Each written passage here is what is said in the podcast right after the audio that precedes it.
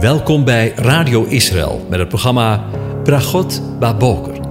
Een kort ochtendprogramma waarin een gedeelte uit de Bijbel wordt gelezen en besproken. Met Bragot Baboker wensen onze luisteraars zegeningen in de ochtend. Presentator is Kees van de Vlist.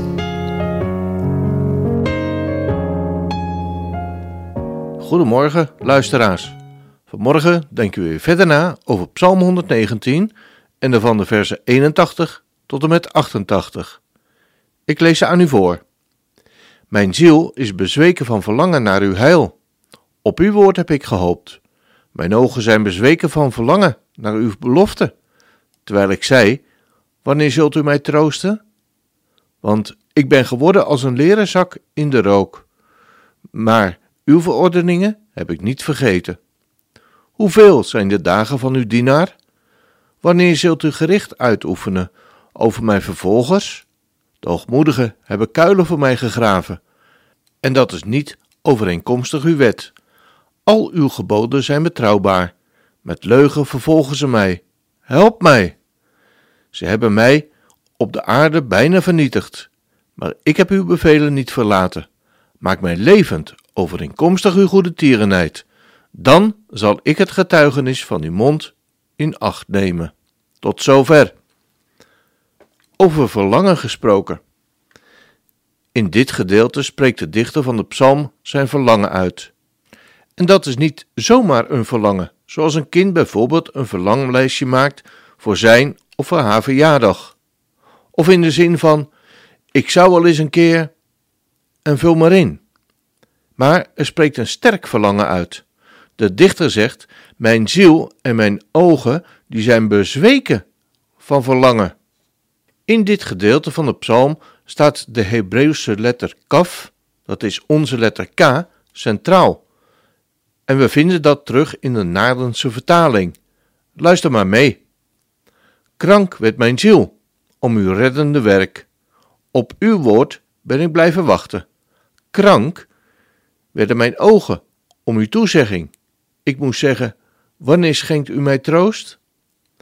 Kromp ik ineen als een wijnzak in de rook. Uw inzettingen heb ik nooit vergeten.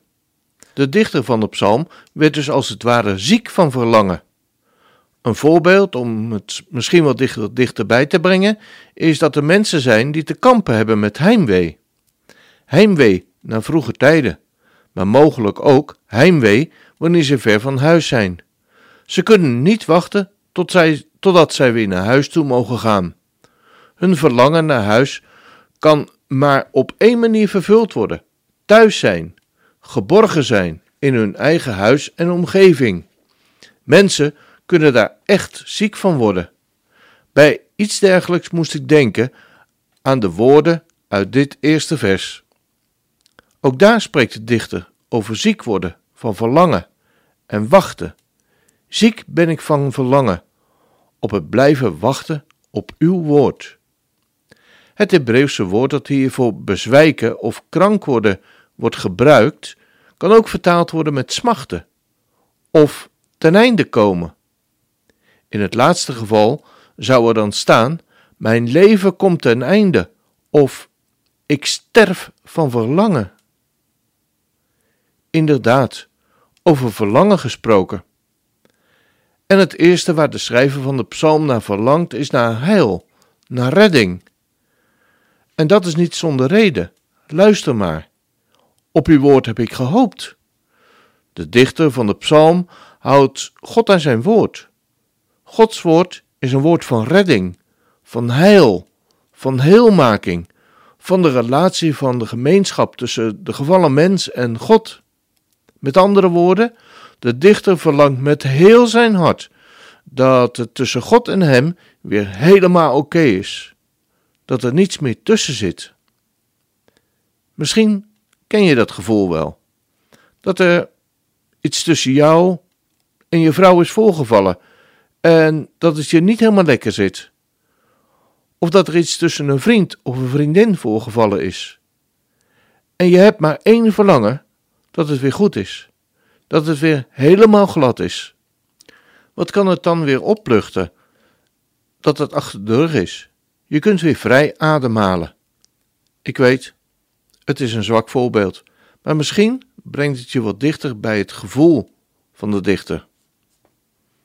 De dichter van de psalm vervolgt: Mijn ogen zijn bezweken van verlangen naar uw belofte, terwijl ik zei: Wanneer zult u mij troosten? Dat is een uitzien geweest. De dichter ziet er naar uit dat God zijn belofte van troost inlost. Hij wil met heel zijn leven getroost worden, getroost leven, want hij vergelijkt zich zonder Gods redding en troost als een gekrompen wijnzak in de rook. Ik moet je eerlijk bekennen dat ik geen idee heb hoe dat voelt. Maar het roept bij mij geen fijn gevoel, een fijne associatie op. De dichter van de psalm voelt zich ronduit rot, beroerd, zelfs stervende, zegt hij. Zo sterk is zijn verlangen naar de redding en troost door God. Maar midden in deze belabberde situatie, waarin hij zich vergelijkt met een gekrompen wijnzak in de rook, heeft hij hoop.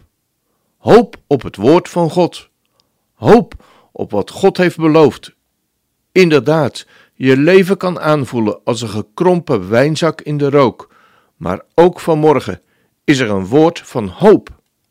Hoop op wat God heeft beloofd. Inderdaad, je leven kan aanvoelen als een gekrompen wijnzak in de rook, maar ook vanmorgen is er een woord van hoop. Want het woord is waar. God is een waarmaker van zijn woord. Daar is hij in afgestudeerd. Hij heeft er een graad in behaald. Hij is een waarmaker. Want God is geen man dat hij liegen zou, of een mensenkind dat hij ergens berouw over zou hebben. Zou hij iets zeggen en het dan niet doen? Zou hij spreken en het niet gestand doen? Een engel zegt al bij de aankondiging van de geboorte van Jezus: En zij zal een zoon baren, en gij zult zijn naam heten Jezus, want hij zal zijn volk zalig maken van hun zonde. Hij zal Israël zalig maken van hun zonde. Punt uit. Want de zoon des mensen is gekomen om zalig te maken dat verloren was.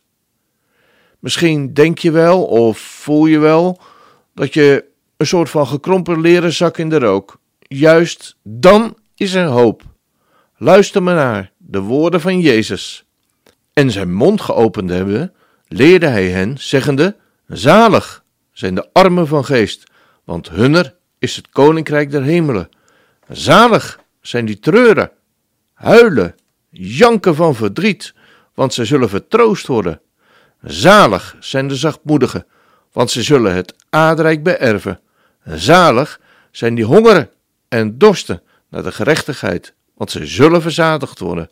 Zalig zijn de barmhartigen, want hun zal barmhartigheid geschieden. Zalig zijn de reinen van hart, want zij zullen God zien. Zalig zijn de vreedzamen, want zij zullen Gods kinderen genoemd worden. Zalig zijn die vervolgd worden om de gerechtigheid wil, want hunner is het koninkrijk der hemelen. Als dat geen zegen is, ik wens u een van God gezegende dag toe.